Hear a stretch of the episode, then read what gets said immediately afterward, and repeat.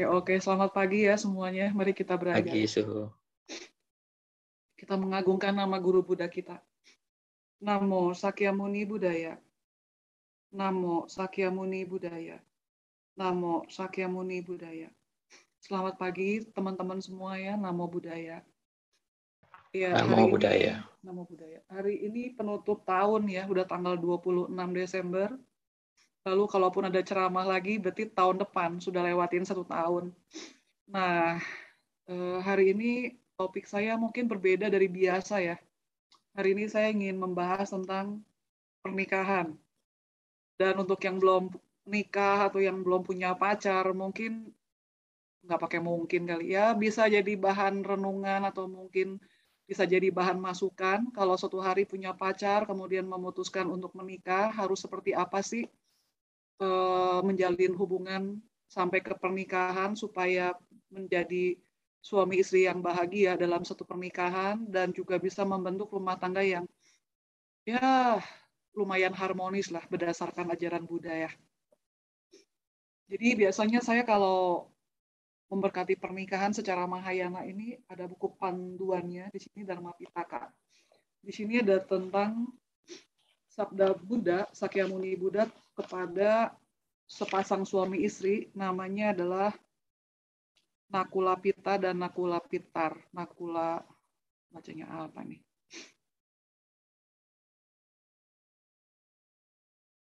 Ya, Nakula Pitar dan Nakula Mata nama orangnya. Tapi kalau kalian browsing tentang Nakula Pitar itu, beliau banyak bertanya kepada Sakyamuni Buddha. Jadi sepertinya Nakula Pitar, Nakula Mata ini adalah orang-orang yang di zaman Buddha latihannya cukup baik karena Buddha sempat juga membabarkan dharma kepada beliau-beliau ini tentang apa istilahnya eh, kekosongan dari tubuh jasmani ya dan itu kan sulit untuk kita cerna di zaman sekarang. Jadi ada wejangan dari Sakyamuni Buddha terhadap Nakula Pitar dan Nakula Mata. Jadi beliau bilang seperti ini, jika suami istri mempunyai niat yang kuat untuk saling membahagiakan, baik dalam kehidupan ini maupun kehidupan yang akan datang, maka syarat utama yang harus dipenuhi suami istri adalah harus punya keyakinan teguh terhadap Sang Triratna. Sang Triratna ini berarti Buddha, Dharma, dan Sangha. Jadi kalau kesimpulannya boleh nggak sih nikah beda agama? Ya boleh-boleh aja sih. Karena kan banyak juga umat Buddha yang nikahnya beda agama. Tapi kalau memang mau lebih ideal adalah orang-orang yang punya keyakinan yang sama-sama teguh. Karena banyak juga orang-orang yang menikah secara Buddhis, keyakinan sepasang ini juga berbeda. Suaminya teguh terhadap Tiratna, istrinya cuma ngaku-ngaku agama Buddha. Atau istrinya benar-benar punya keyakinan teguh pada Triratna sampai latihan juga bagus, tiap tahun ikut latihan melatih diri, Sementara suaminya cukup cuman pai-pai doang di kelenteng lalu mengaku agama Buddha atau di wihara di wihara pasang dupa, kemudian nama skara tiga kali terus keluar lagi. Itu bagi suaminya udah cukup ya. Ada juga yang keyakinan teguh pada Triratna itu tidak mau pergi ke wihara, tidak mau ibadah, tidak mau mendengarkan dharma, tapi eh, orang-orang eh, ini benar-benar mempercayai, meyakini hukum karma, kemudian percaya penuh pada dharma ajarannya Buddha, dan bahkan dalam kehidupan sehari-hari, orang ini mempraktekkan ajaran Buddha.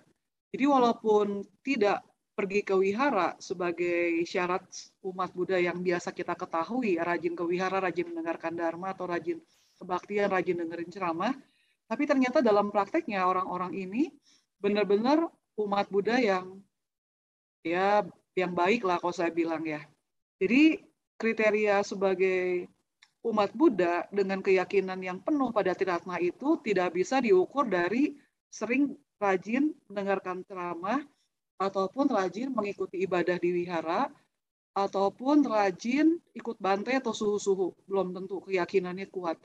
Karena yang saya dapati akhir-akhir ini adalah orang-orang yang rajin ke wihara, rajin juga dengerin ceramah, rajin juga ikut suhu-suhu pergi, tapi akhirnya terus pindah agama sebelum menikah, baru pacaran. Jadi memang keyakinan teguh ini sulit di sulit di apa ya? Sulit dipupuk Kemudian juga sulit dipelihara. Jadi tugas kita kalau memang masih meyakini ajaran Buddha, tugas kita adalah memupuk akar-akar yang akar-akar keyakinan terutama yang sudah kita bawa dari kehidupan masa lalu supaya di kelahiran sekarang semakin berkembang. Kemudian saat nanti kita meninggal, keyakinan pada Buddha, Dharma, dan Sangha itu semakin menguat, bukan semakin berkurang atau semakin rusak atau bahkan semakin punah. Jadi dengan merawat keyakinan pada Buddha, Dharma, dan Sangha, mudah-mudahan kita dapat selalu menjadi umat Buddha dalam tiap kelahiran sampai kita mencapai nibbana atau sampai kita mencapai pantai bahagia suatu hari. Nah, di sini saya lanjutkan lagi.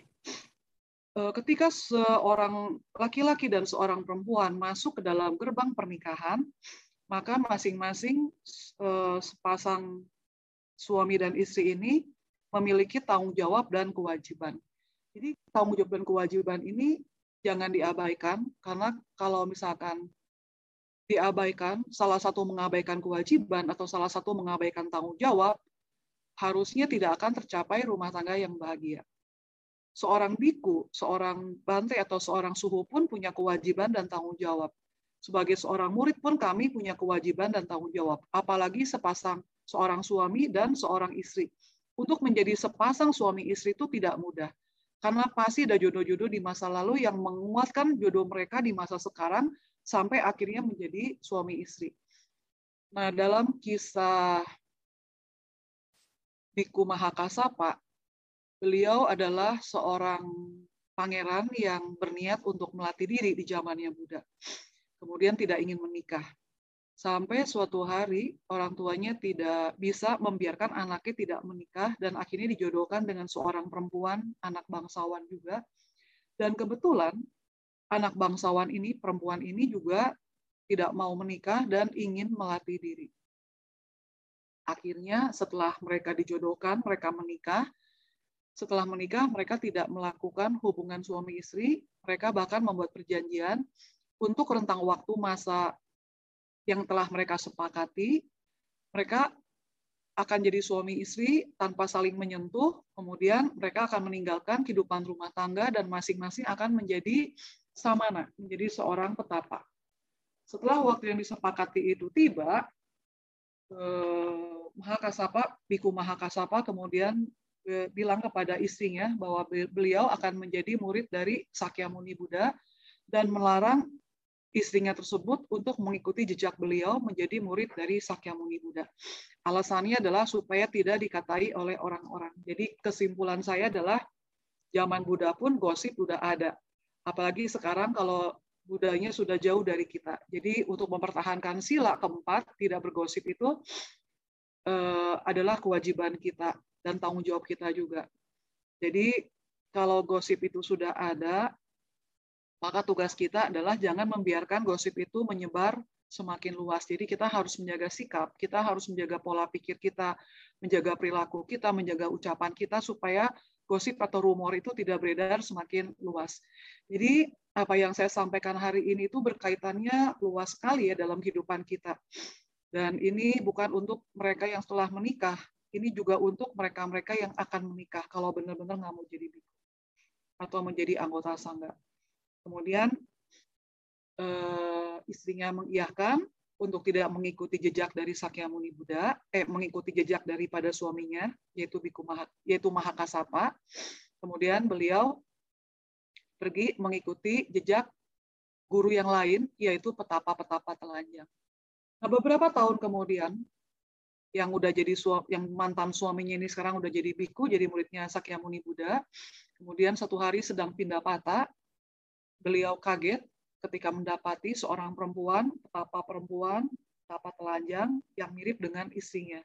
Dan mantan istri, begitu melihat mantan suaminya, dia pasti masih ingat, walaupun sudah berubah, dia langsung menghampiri dan dia menangis. Kemudian dia mengatakan bahwa pada saat kita menikah, kamu tidak pernah menyentuh saya.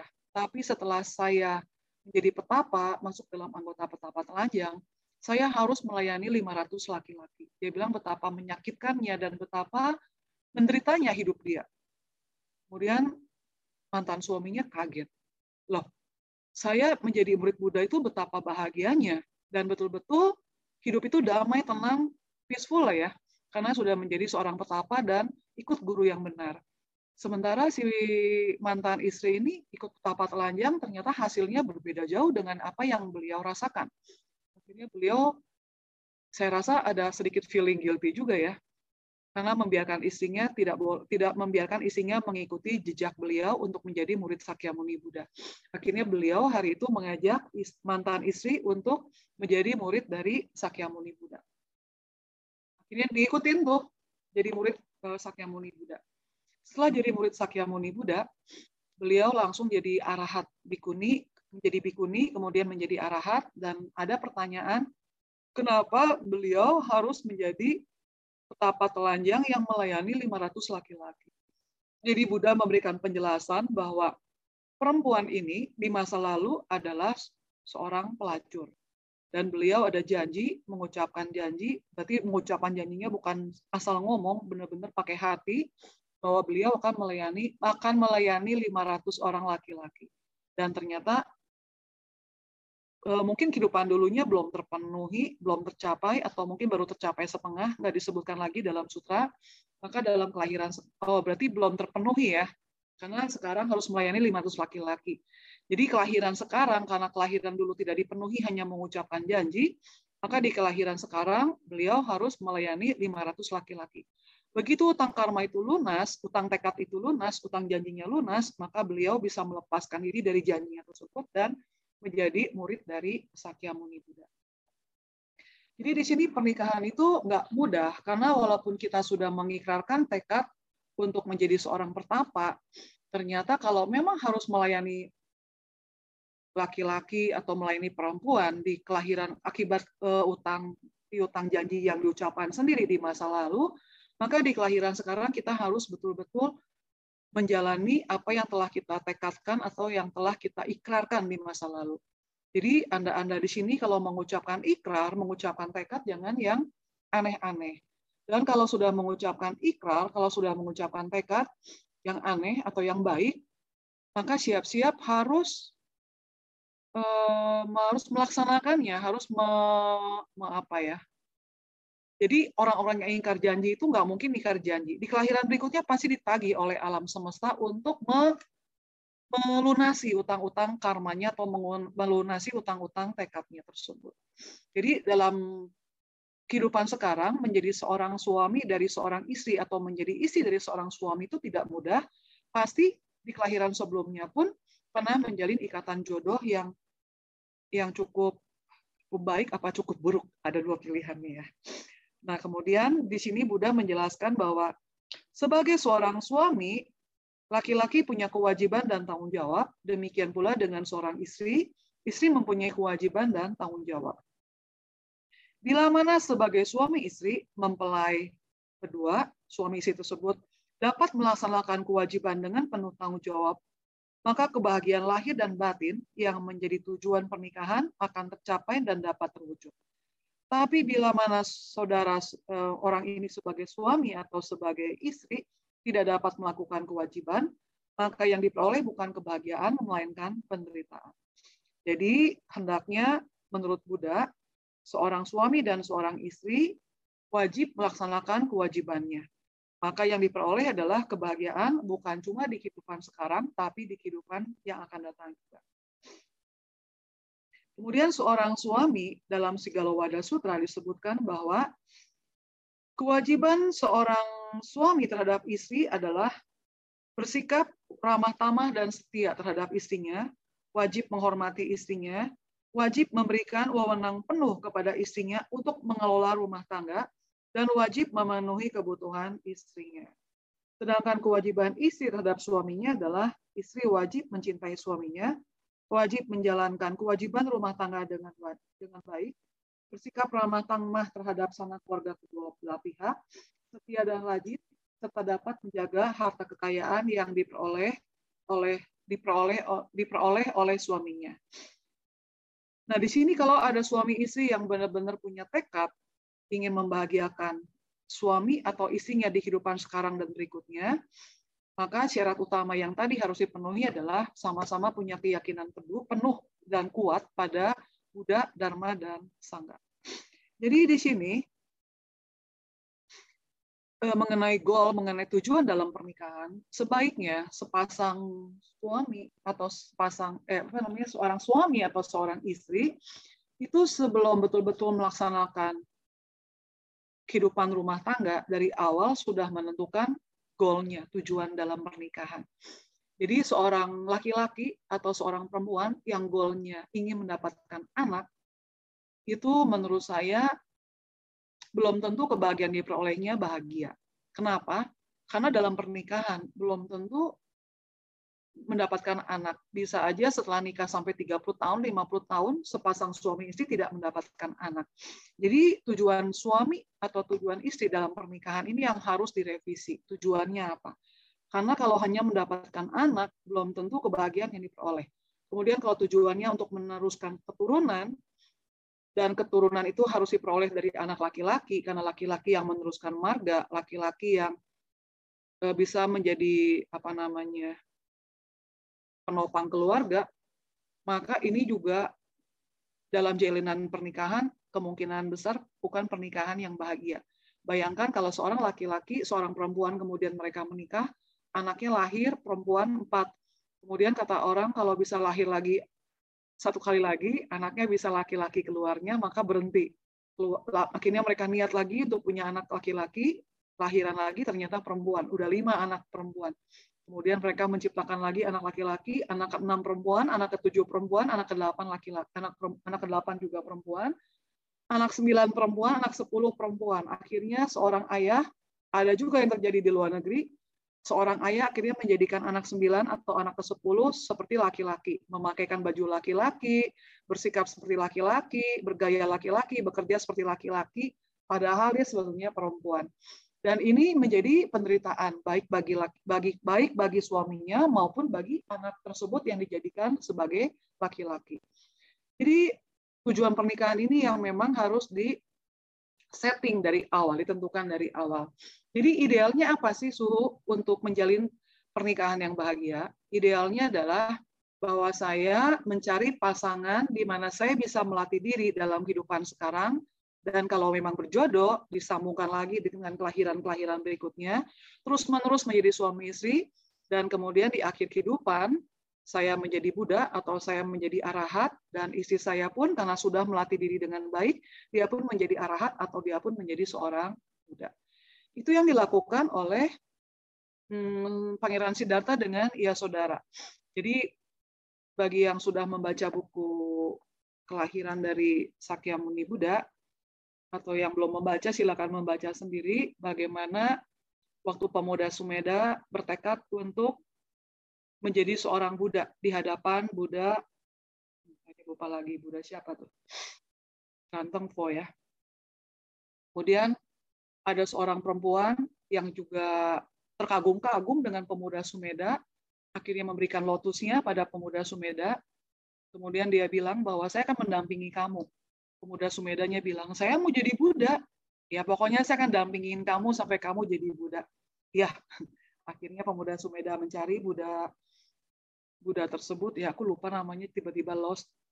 Kemudian mereka akhirnya dalam tiap kelahiran menjadi uh, bodhisatwa dan istrinya. Sampai di kelahiran sekarang mereka menjadi Pangeran Siddhartha dan Putri Yasodhara. Ini tanpa sebab, karena memang dalam kelahiran-kelahiran sebelumnya mereka selalu melatih diri dan walaupun mungkin uh, apa tekadnya dari Putri Yasodhara tidak sekuat daripada Bodhisatwa Siddhartha, tapi paling tidak di kelahiran sekarang, di kelahiran yang ter, di kelahiran yang sekarang ini, Putri Saudara menjadi seorang bikuni dan kemudian di bawah bimbingan dari Sakyamuni Buddha, beliau pun menjadi seorang arahat. Jadi ini pun pencapaian yang bukan main-main, merupakan pencapaian yang luar biasa. Jadi ketika seorang suami dan seorang istri bisa menentukan goal, menentukan tujuan dalam pernikahan, yaitu untuk menjadikan pasangannya adalah partner dalam pelatihan diri, maka apa pun yang dilakukan akan mengarah pada pencapaian spiritual. Dan ini endingnya adalah kebahagiaan. Jadi ini belum terlambat bagi para bapak, ibu di sini, atau bagi saudara-saudari yang masih pacaran, supaya bisa menentukan goal. Jadi setiap momen adalah momen yang baru, setiap detik, setiap mas, setiap menit adalah hari yang apa namanya momen yang baru lah ya istilah saya ya.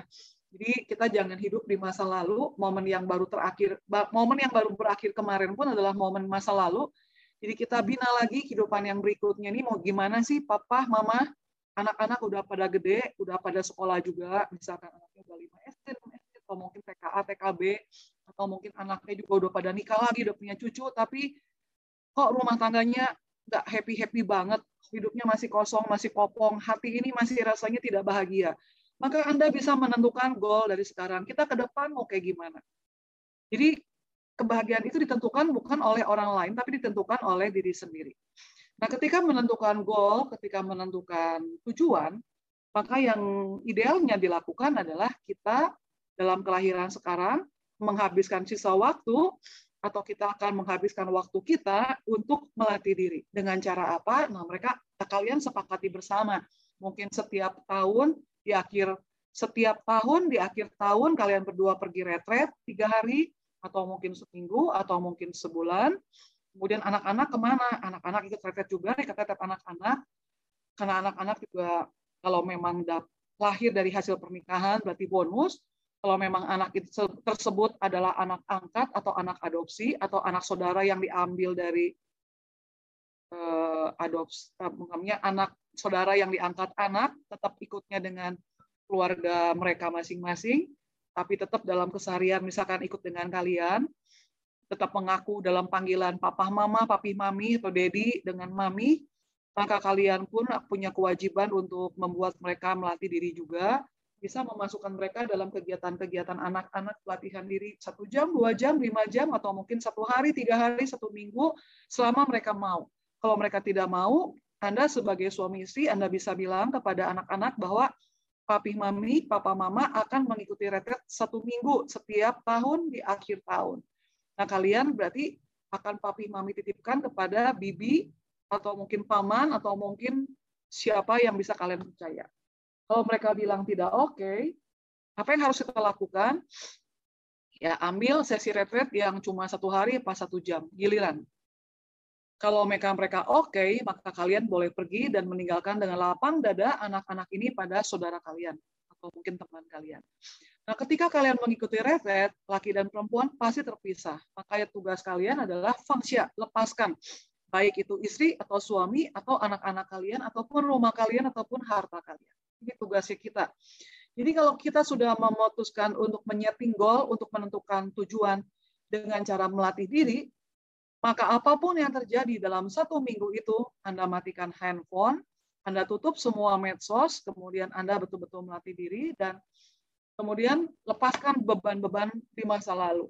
Karena begitu melatih diri, begitu satu hari, dua hari tercapai, dan tiba-tiba Anda jadi arahat, mereka bukan lagi sonak keluarga yang harus dijadikan beban bagi kita. Jadi Anda harus lepaskan semuanya. Begitu satu minggu latihan kita nggak jadi apa-apa, maka tugas kita adalah balik ke dalam lingkungan rumah, menjadi ayah yang baik bagi istri dan bagi anak-anak. Istri juga sama, pulang ke rumah, lakukan lagi kewajiban sesuai dengan apa yang diajarkan oleh Buddha, dan kemudian lakukan eh, tanggung jawab merawat anak-anak juga dengan baik. Nah, banyak juga orang-orang yang suami istri atau mungkin anak-anaknya ketika telah pergi melatih diri satu minggu ataupun dua minggu, pikiran bahagia itu masih melekat. Jadi ketika pulang ke rumah, yang, yang timbul adalah rasa sedih. Kemudian tidak bisa hidup seperti manusia normal apa adanya, adaptasinya cukup lambat sekitar 3 sampai 7 minggu. Ini akan membuat orang ini karena tidak bisa tidak bisa melepaskan masa lalu walaupun dalam pelatihan bagus tapi kenyataannya dia sekarang adalah istri orang atau suami orang atau mungkin ayah dari anak-anaknya dan ibu dari anak-anaknya maka yang harus dia lakukan adalah benar-benar move on karena hidup adalah sesuai dengan kenyataan bukan dengan hayalan atau halusinasi jadi kenyataannya dia adalah istri atau suami dan orang tua dari anak-anaknya. Maka begitu melepaskan retret, dia harus legowo, besar hati, kembali pulang ke rumah dan kembali beraktivitas seperti dulu, bahkan lebih baik daripada dulu. Jadi ketika menentukan tujuan untuk melatih diri ini, maka apa pun yang kita lakukan mudah-mudahan membawa pada kebahagiaan. Nanti dalam pernikahan akan ada kewajiban suami bekerja, kemudian ada pendapatan, ada pencapaian, entah itu dalam bentuk uang, rumah, ataupun harta-harta lainnya diserahkan kepada istri, ataupun berdasarkan kesepakatan dibagi dua, ataupun semua diserahkan suami kepada istri dan istri yang mengelola, atau juga istri bilang kamu aja yang pegang, saya hanya but kalau minta baru kalau butuh baru minta. Itu pun terserah, itu semuanya kesepakatan. Jadi jangan samakan rumah tangga saya dengan rumah tangga A, B, B, C, D, E, F. Karena tidak akan sama. Tiap rumah, tiap keluarga punya sistem yang berbeda. Ini yang harus Anda-Anda semua eh, perhatikan, mindful betul-betul. Jadi jangan bandingkan rumah tangga saya dengan rumah tangga B, C, D, E. Kenapa? Begitu dari awal perjanjian bahwa harta kamu yang pegang aja, saya hanya saya hanya ngambil kalau butuh dan minta kalau butuh. Kalau nggak butuh berarti udah saya nggak minta karena bagi saya hidupnya cukup aja sesuai dengan ajaran Buddha cukup. Tiba-tiba setelah 5, 6 tahun, 10 tahun, 15 tahun menikah, kurang duitnya. Tapi nggak berani ngomong pada suaminya, karena dia melihat suaminya ini udah mati-matian bekerja dari pagi sampai malam, takutnya eh, apa namanya pencapaiannya nggak terlalu besar, nggak terlalu banyak. Dan suami pun nggak terus terang pada istri berapa besar yang dia peroleh di luar rumah. Jadi kekhawatiran itu dipelihara oleh istrinya dan waktu dia cerita pada temannya, tetangganya, atau dia mendengarkan gosip-gosip seputar rumah tangga dengan keluarga B, C, D, E, tetangga-tetangga di lingkungannya, atau mungkin di lingkungan sekolahnya, eh, si ibu ini kemudian merasa bahwa suaminya nggak benar. Suaminya pelit, dan suaminya tidak sayang pada istrinya. Jadi kriteria sayang bagi istri yang sudah menikah lama adalah tidak peduli pada istrinya kalau istrinya itu udah nggak punya lagi duit sayur dan istrinya tuh harus mengepas-kepaskan uang sayur. Itu penderitaan bagi seorang istri. Dan suaminya nggak peka ke situ, jadinya penderitaan. Dan istri nggak mau bilang pada suami. Jadi setelah mendapatkan cerita dongeng-dongeng, gosip-gosip dari rumah tangga-rumah tangga yang lain di luar rumah tangganya itu, timbul perasaan bahwa suaminya nggak sayang dia. Timbul rasa marah. Pelan-pelan marahnya ini berkembang, berkembang, berkembang, sampai marahnya jadi marah sekali. Dan akhirnya tiba-tiba suatu hari dia minta cerai alasan cerainya juga nggak jelas. Dia cuma minta cerai karena dia nggak bahagia. Jadi suaminya mengorek-ngorek, ngorek-ngorek kenapa istrinya minta cerai. Akhirnya dia dapat kabar dari teman-temannya juga bahwa istrinya itu minta cerai karena uang jajannya kurang atau uang sayurnya kurang. Akhirnya suaminya nambahin lagi uang sayurnya dua kali lipat daripada yang biasa dia kasih. Baru si istrinya baik lagi dan bahagia lagi. Jadi ini yang sering terjadi juga di masyarakat bahwa tujuan pernikahan akhirnya buyar karena mendengarkan gosip-gosip di luar, kemudian dia juga lupa dengan setting goal dari awal, kemudian dia menyamakan rumah tangga dia dengan rumah tangga orang lain, ketika berbeda timbul penderitaan. Padahal bukan salah rumah tangga orang lain, salahnya adalah dia tidak terbuka, tidak ada komunikasi. Jadi rumah tangga yang mau bahagia adalah selain mengikuti ajaran dari Buddha, komunikasi komunikasi itu penting sekali. Jadi seorang suami wajib berkomunikasi dengan istri, istri pun wajib berkomunikasi dengan suaminya. Dan komunikasi ini harus sesuai dengan sila keempat ajaran dari Buddha. Tidak mengada-ngada, tidak belidah dua, tidak berbohong, dan apa adanya. Karena mungkin aja seorang suami karena takut sama istrinya, dia mengada-ngada di luar rumah, dia mengada-ngada cerita di luar rumah seperti ini, ini, ini, padahal sebetulnya bohong semua. Dan istri juga berbohong pada suaminya, mengada-ngada juga, supaya si suaminya juga happy, senang. Orang-orang seperti ini aku rasa orang-orang yang capek hidupnya ya, karena tiap hari bertopeng. Suami pakai topeng, istri juga pakai topeng, dan akhirnya topeng-topeng ini harus dipakai saat menghadapi anak-anaknya. Supaya apa? Supaya uh, statement pernyataan yang sudah mereka buat terhadap suami atau terhadap istri sama dengan apa yang dialami oleh anak-anaknya. Dan ini benar-benar penderitaan. Yakinnya, ya mungkin pernikahannya tidak akan berlangsung lama. Kalaupun dia langgeng, mungkin tidak bahagia. Dan akhirnya eh, apa namanya tekad berikutnya yang diucapkan para suami atau para istri adalah lahir lagi gue nggak mau jadi lahir lagi saya nggak mau jadi suami dia apa jadi istri dia saya akan pilih pasangan yang lain lagi ini kesalahannya dari mana karena kurang komunikasi nah seorang suami atau seorang istri juga wajib selain wajib punya keyakinan yang sama keyakinan ini level keyakinannya harus sama jadi bukan hanya sekedar Yakin pada Buddha Dharma dan Sangha. Yakin pada Buddha Dharma dan Sangha, yang satu hanya uh, yakin doang. tapi tetap masih penuh dengan penderitaan. Ketika dia ada penderitaan, dia masih mengeluh. Tapi yakin pada Buddha, yakin pada Dharma, yakin pada Sangga. Nanti udah curhat pada Biku Sangga, baru enggak, oh iya ya, benar juga ya. Ini semuanya adalah karma yang harus saya lalui. Baru keyakinannya muncul lagi. Nah, itu level keyakinannya mungkin di level 2 atau level 3. Ketika bertemu dengan anggota sangga atau mendengarkan ceramah, naik setengah atau naik satu, kemudian ke bentur masalah, turun lagi dua level. Jadi udah tiga, ketika dia sharing dengan anggota sangga atau mendengarkan ceramah, naik jadi empat atau empat setengah, kebentur masalah turun lagi jadi dua. Bukan lebih baik, tapi jadi lebih buruk. Karena dia bicara tentang kematian, dan dia belum siap menghadapi kematian. Ada juga pasangan suami istri yang pasangannya itu level keyakinannya sampai level 9. Bahkan dia sudah siap menjadi praktisi. Kenapa bisa di level 9?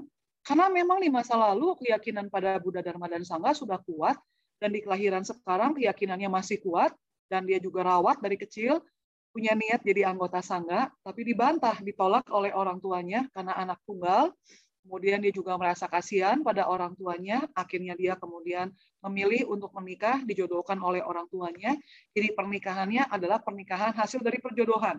Jadi level keyakinannya berbeda, satu level 9, satunya level 2. Kalau ketemu biku sangga baru naik. Terus ketemu masalah turun lagi. Ketemu biku sangga naik lagi. Ketemu masalah turun lagi. Begini naik turun up down. Kalau suaminya ngomong atau istrinya ngomong dia nggak percaya. Nah, ini ada juga orang-orang model seperti itu.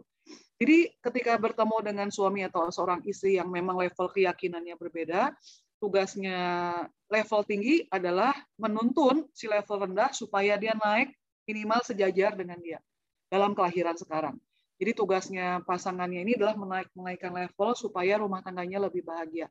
Kalaupun dia nggak sanggup menaikkan level pasangannya ini, maka tugasnya dia adalah mencari orang ketiga yang bisa ngasih ngasih petunjuk supaya pasangannya ini bisa terus naik levelnya. Kemudian yang berikutnya lagi adalah harus sama sila. Sila yang dilakukan lima, maka orang pasangannya pun melaksanakan lima sila. Kalau dia belum sanggup mengajarkan istrinya atau pasangannya lima sila, cari orang ketiga juga untuk mengajarkan atau untuk membimbing supaya pasangannya ini bisa punya atau bisa melaksanakan lima sila. Lalu yang berikutnya lagi adalah level-level kemurahan hatinya harus sama atau sama caga. Nah, di sini ketika seorang suami atau seorang istri senang dengan bakso, senang berbuat baik, senang beramal, pasangannya nggak suka beramal, bahkan bilang, buat apa sih lu amal-amal terus, uang kita kan terbatas. Nah, ini level kemurahan hatinya berbeda.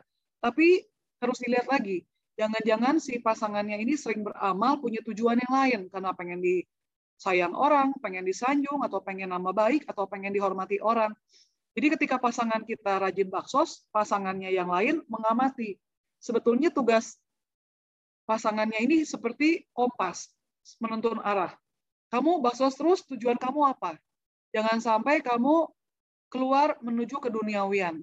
Goal utama kamu tidak tercapai. Jadi ketika mereka saling melengkapi, mereka saling mendukung, mudah-mudahan dalam pelatihan diri mereka akan lebih ada kemajuan. Kemudian yang terakhir adalah sama kebijaksanaannya. Berarti sama-sama baca buku, sama-sama sering sharing, sama-sama juga memahami tentang konsep kesunyataan atau mungkin konsep kekosongan atau mungkin yakin pada hukum karmanya juga kuat. Jadi suami istri dengan empat sama tadi, kesamaan tadi, mudah-mudahan bisa juga menuntun rumah tangga mereka menjadi lebih bahagia. Nah, daripada itu, kita juga harus ingat tentang komunikasi. Jadi di luar tentang ilmu agama, Bapak, Ibu, teman-teman semua di sini juga harus ingat dengan ilmu komunikasi. Banyak rumah tangga yang gagal itu karena komunikasinya yang kurang. Nah, di sini, suami istri itu seperti orang yang sedang naik perahu, laki-laki atau suami itu seperti nakoda kapal, perempuan seperti eh, asistennya, asisten. Nah, anak-anak adalah bonus, seperti penumpang. Jadi ketika kapal, ketika pernikahan, kemudian begitu diresmikan oleh catatan sipil atau oleh agama, maka kapal ini sudah siap lewat, sudah siap mengarungi lautan. Kemudian dalam perjalanan awal-awal di pantai menuju ke tengah laut dan akhirnya ujung pantai bahagia sana, itu ombaknya pasti ada. Jadi laut kalau nggak ada ombak, kapal nggak akan gerak. Jadi ketika ada ombak, baru kapal bisa gerak. Ketika ada angin, itu baru bisa menggerakkan ombak. Ombak ini yang akan menggerakkan kapal. Nah, kemudian kapal karena ada ombak, jadi dia bergerak. Bergerak mulai ke tengah laut. Nah, ketika kapal bergerak ke tengah laut karena ada ombak, awal-awal masih menyenangkan karena kapalnya bisa diem, tenang. Ketika sampai di tengah laut, angin juga semakin besar, kemudian semuanya adalah air, dan tidak ada lagi sesuatu yang bisa dipegang di darat, di, di laut, darat juga nggak kelihatan lagi, maka ombak yang makin besar itu suatu hari akan menggoncangkan si kapal. Kapal yang tadinya jalannya cuma goyang riak-riak sedikit, karena memang riaknya kecil, lama-lama karena ombak yang besar, dia semakin goyang. Semakin goyang begini, maka yang diperlukan adalah skill daripada si nakoda kapal. Selain asisten kapal yang juga menenangkan si nakoda kapal. Jadi untuk kapal ini berlabuh sampai ujung pantai, pantai bahagia sana yaitu kematian, atau mungkin kelahiran berikutnya lagi, maka nakoda kapal ini harus tenang supaya si penumpang kapal juga merasakan tenang. Jadi kapal ini, nakoda kapal, nah kapal ini harus kapal yang kuat. Jadi kapal yang kuat itu harus dibentuk oleh segala sesuatu yang serba kuat. Kayunya harus kuat, kemudian sekrupnya juga harus kuat, layarnya juga harus kuat, kemudian jangkarnya juga harus kuat. Nah ini bentuk-bentuk apanya tadi yang harus kuat? Berarti silanya harus kuat, keyakinannya harus kuat, kebijaksanaannya harus kuat, kemudian eh, kemurahan hatinya juga harus kuat. Ini dasar yang dibentuk sebelum mereka mau menikah. Masing-masing sudah kuat, kemudian membentuk kapal. Nah, kapal yang sudah kuat ini ketika bertemu dengan ombak, dia akan goyang. Karena setiap rumah tangga pasti akan bertemu dengan masalah. Dan masalah ini sengaja oleh alam semesta mungkin dibuat dengan tujuan supaya kita memperteguh kita dalam pelatihan diri. Dan kebetulan pelatihan diri kalian adalah bersama dengan partner. Kalau biku sangga, karena kami memutuskan untuk sendiri dan tidak menikah, maka partner kami adalah saudara-saudara di dalam persamuan sangga.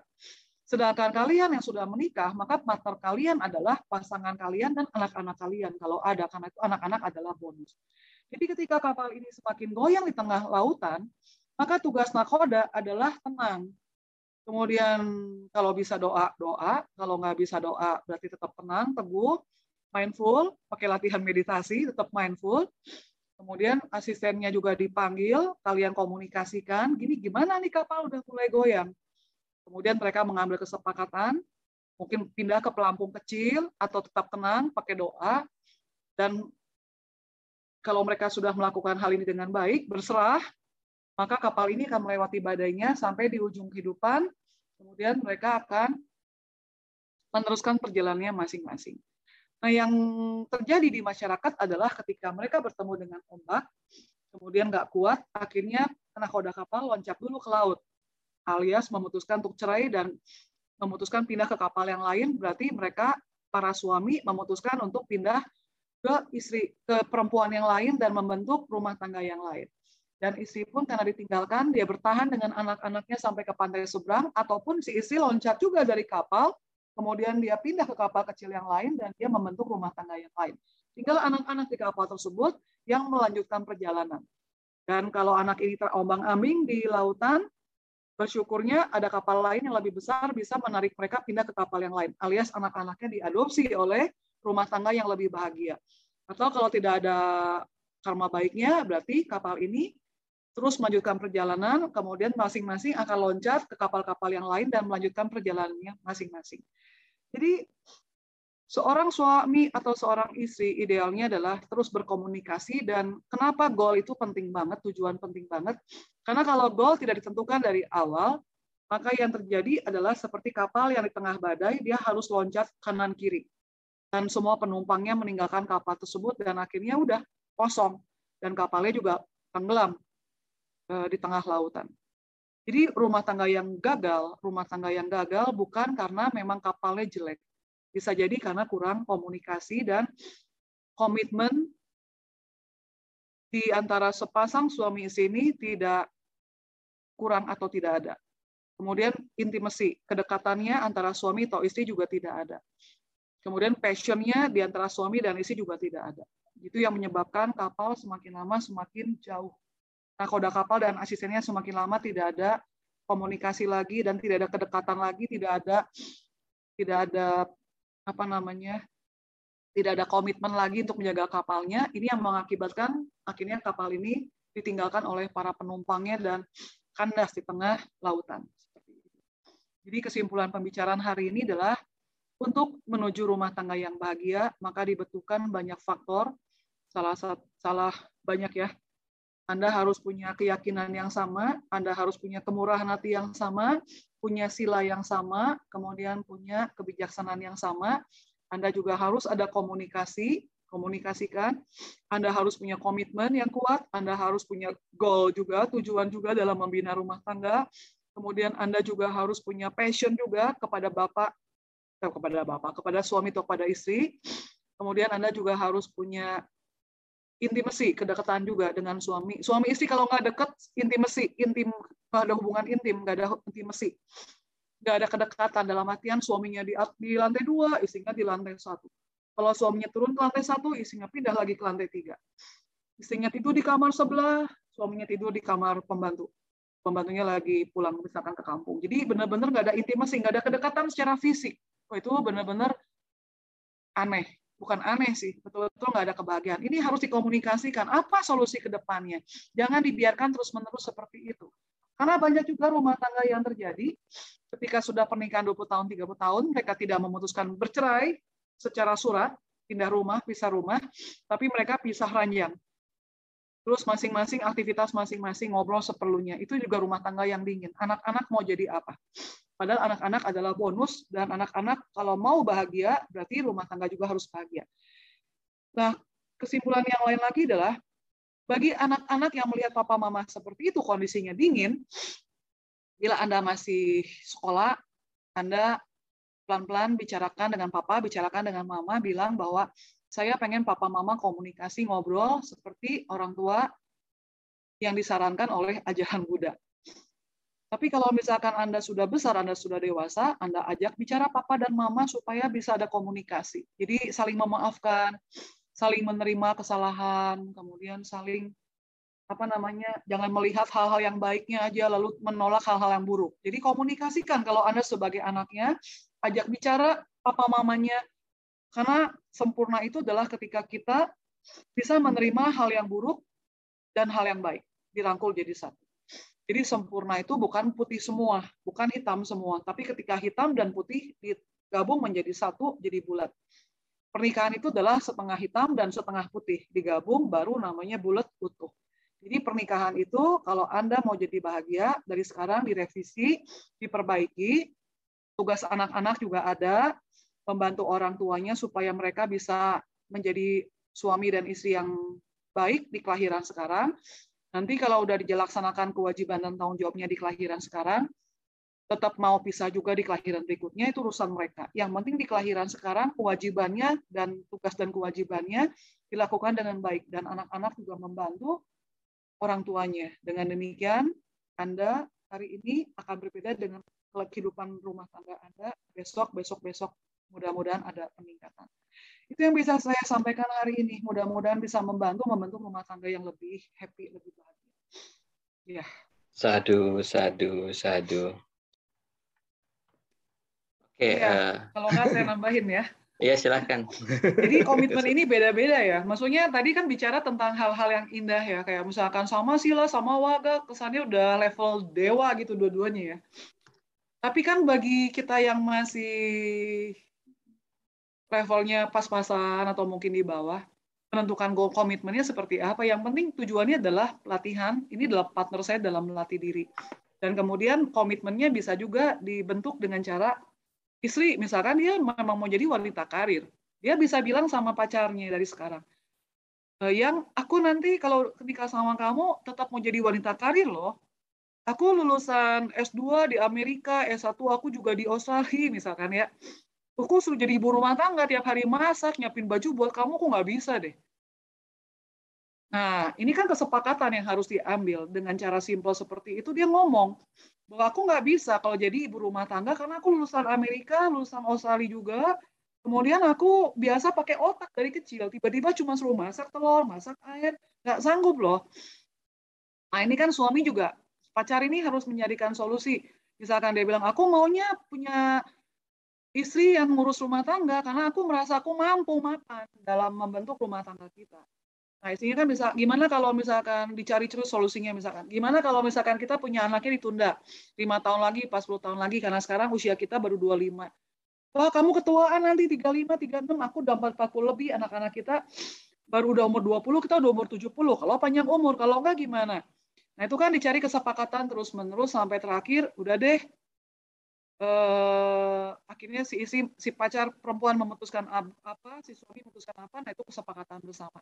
Atau misalkan si istrinya bilang, apakah saya kalau nikah sama kamu harus menyiapkan kamu makanan pagi, bangun, harus harus bangun sebelum kamu bangun, harus menyiapkan sarapan pagi, harus menyiapkan baju kamu kalau kamu mau mandi.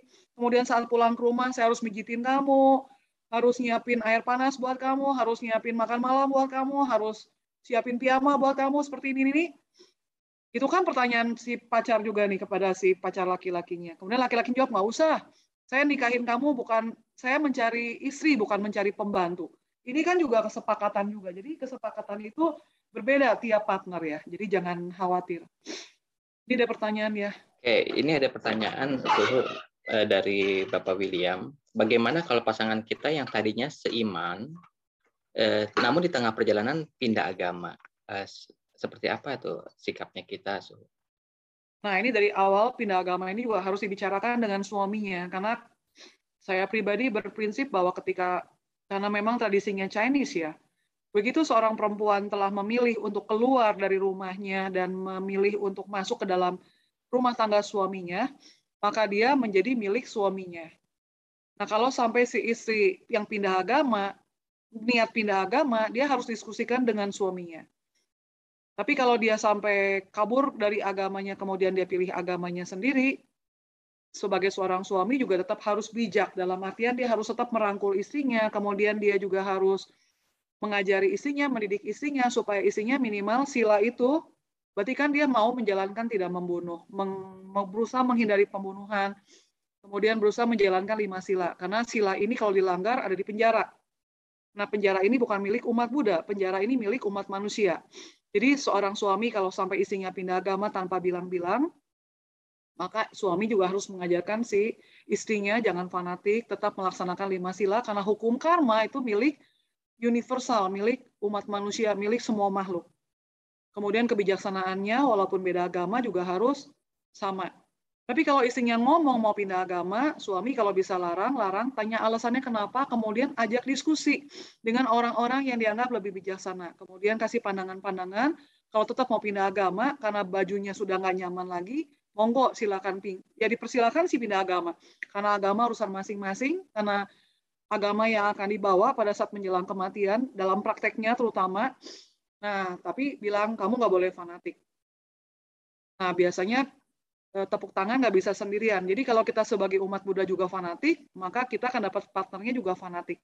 Tapi kalau kita hanya bisa ke arah yang universal, ke arah yang lebih apa ya, bukan cuma fanatik, bukan hanya bilang agama, tapi betul-betul yang universal beyond religion ya, di luar agama, maka partner kita pun biasanya akan mengimbangi kita. Kemudian karena kita lebih fleksibel, karena kita bukan fanatik dalam beragama, lebih fleksibel dalam kehidupan beragama, karena kita mengarah kepada universal, mengarah, mengarah kepada spirituality, spiritualitas. Nah, biasanya partner kita kita bisa didik, kita bisa ajarkan, maka tuh wajib eh, apa namanya? wajib kita membimbing dia supaya lebih ke arah spiritual juga. Jadi nggak hanya pegang agamanya aja. Jadi menurut aku sih pindah agama kalau bisa ditahan tahan dulu. Tapi kalau emang nggak tahan lagi dia harus pindah agama ya dipersilakan pindah tapi tetap harus disarankan dia jangan fanatik dan kita juga harus lebih mengembangkan batin kita ke arah spiritual, jangan cuma berpegang pada agama. Karena agama doang mengarahkan kita pada fanatis. Jadi Anda harus lebih berkembang lagi batinnya. Karena agama itu betul-betul hanya dibikin oleh manusia supaya tidak kacau. Tapi ada yang lebih daripada agama. Ini yang harus Anda cari. Jadi tugas kita sebagai umat beragama adalah mencari yang lebih daripada agama itu sendiri, yaitu spiritual. Itu sih saran dari aku ya. Biku juga sama nih. Biku-biku yang fanatik pada Dharma, pada ajaran Buddha, biasanya mentok. Kenapa bisa mentok gak berkembang lagi? Karena dia masih memiliki keakuan agamaku adalah yang terbaik. Tapi ketika biku-biku berkembang secara spiritual, dia udah nggak dia agama itu cuma buat aku doang pegangan dharma. Tapi ketika dia lebih mengarah pada spiritual, dia akan lebih fleksibel dengan alam semesta, dia akan fleksibel dengan setiap orang, dia akan bisa bersahabat dengan siapa aja. Nah, berarti orang ini sudah mencapai. Karena Buddha sebetulnya bukan milik umat Buddha. Buddha itu seperti Buddha adalah orang yang telah mencapai pencerahan. Jadi kalau kita masih berpegang, masih berprinsip pada agama baru, atau berprinsip pada fanatik pada agama lama, maka yang timbul adalah penderitaan. Apa ini? Oh. Oke, suhu ini ada kelanjutannya nih suhu.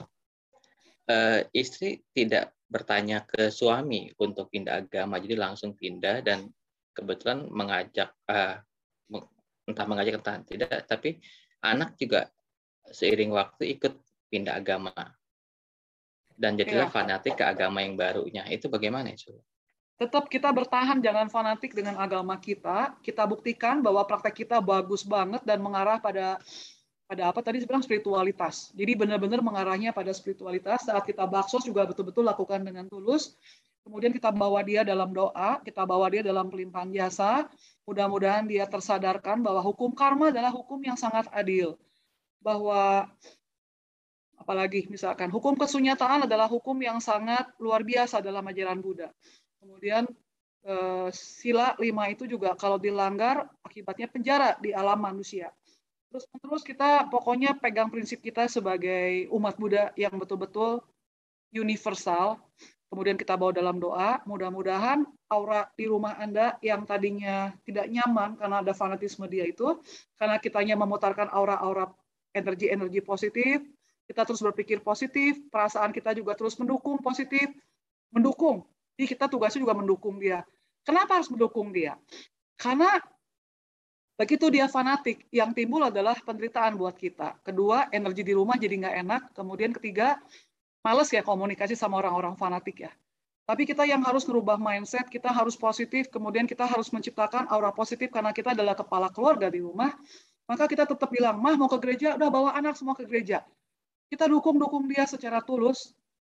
Tapi ada waktu Anda boleh ngomong dengan anak-anak mengenai inti ajaran Buddha, mengenai tentang hukum karma, jadi dari belakang kita terus main juga, tapi main bukan karena fanatik, tapi benar-benar membawa kita ingin mendidik anak kita supaya bijaksana.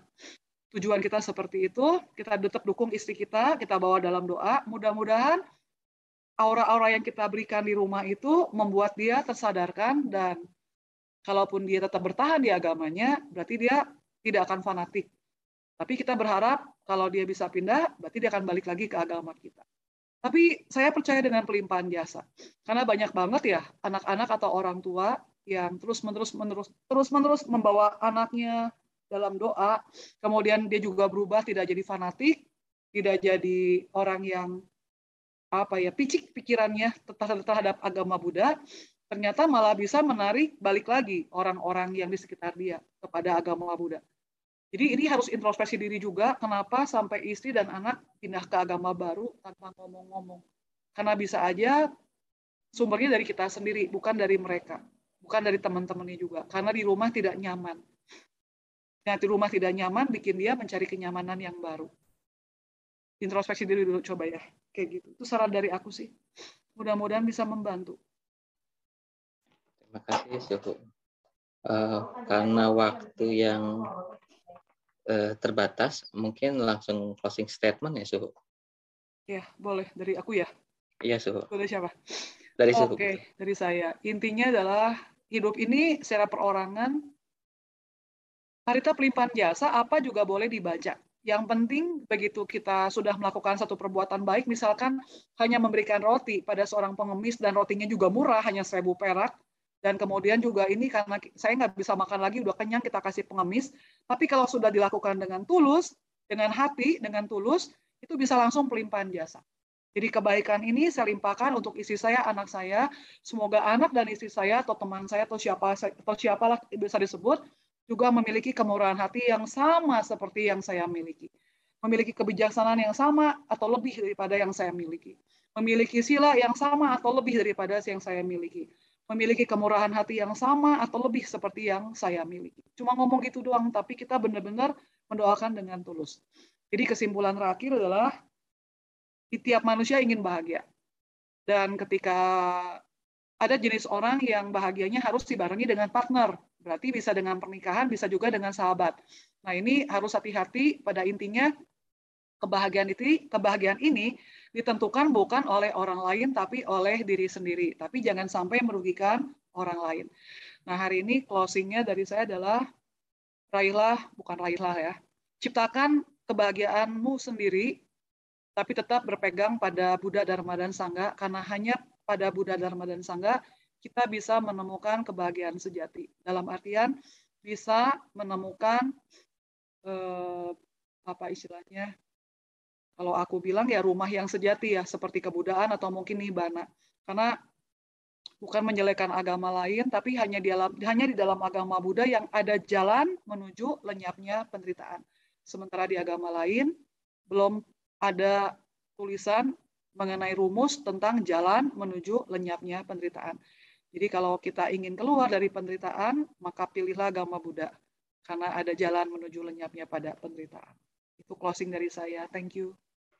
Ya, eh, selesailah sesi Dhamma Desana pada hari ini. Kami segenap keluarga besar Wihara Prita Masuka dan para umat yang telah hadir mengucapkan terima kasih kepada Suhu Xianxing atas waktu dan kesempatan dalam membabarkan Dhamma pada pagi hari ini. Kami juga memohon maaf apabila ada kesalahan eh, kata baik secara langsung maupun tidak langsung kepada Suhu Xianxing. Jika Suhu Xianxing ingin meninggalkan ruangan Zoom terlebih dahulu, kami persilahkan. Terima Oke, kasih. Aku pamit ya semuanya. Kemudian kasih, selamat menjelang tahun baru dan selamat menyongsong tahun baru juga. Semoga kita semua lebih sehat, lebih happy ya. Oke, bye-bye semua. Terima kasih, Suhu. Mari kita bersikap anjali.